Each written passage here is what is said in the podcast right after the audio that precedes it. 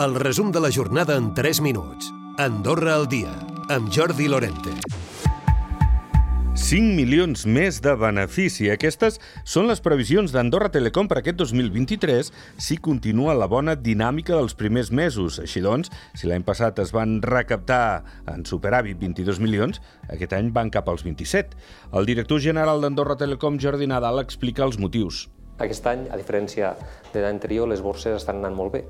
Llavors, tots aquests pèrdues que vam tindre, aquest any seran beneficis, no? amb el que, curiosament, tot i que podríem dir que el negoci nostre l'any passat va ser millor que aquest, aquest any és bo, però l'any passat va ser molt bo, a nivell de borses aquest any estem sent bo i l'any passat va ser molt dolent, això fa que el resultat net que esperem sigui superior.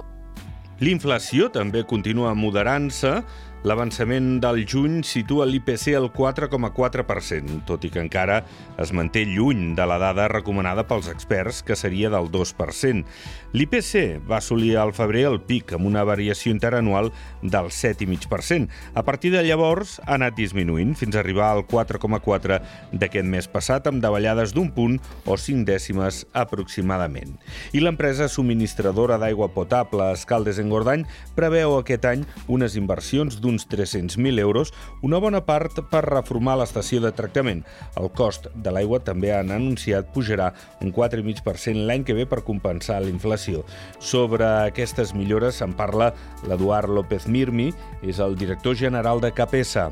És una, una millora que fa que eh, ens hem de gastar uns 100.000 euros per ampliar el sistema de filtració eh, ja havíem previst un espai per posar un esquit més, un esquit és un mòdul, n'hi han quatre i en tenim que posar un cinquè perquè puguem treballar de forma més elàstica, una forma més tranquil·la.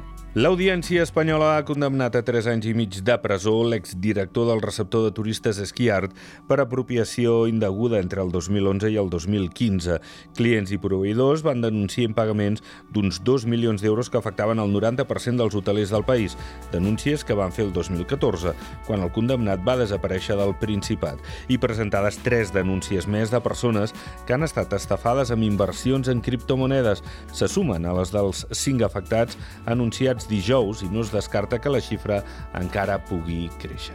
I a Andorra la Vella han presentat els més de 100 joves que passaran a ser informadors turístics durant aquest estiu. Estaran repartits entre l'Oficina de Turisme i Informació i també aquest any com a novetat n'hi haurà set al Bicilab. Tot plegat una experiència que els hauria de curtir. És el meu tercer any treballant ja aquí i la veritat és que aquests anys m'ha agradat molt perquè has conegut a la gent i parlar amb els turistes m'agrada. Em repeteixo, bàsicament perquè vaig estar molt bé amb els meus companys i tal, i crec que és una feina molt dinàmica i no molt feixo. Tinc amigues que ja han treballat i em van explicar i vaig dir per què no, per què no provar i així també guanyar diners per aquest estiu.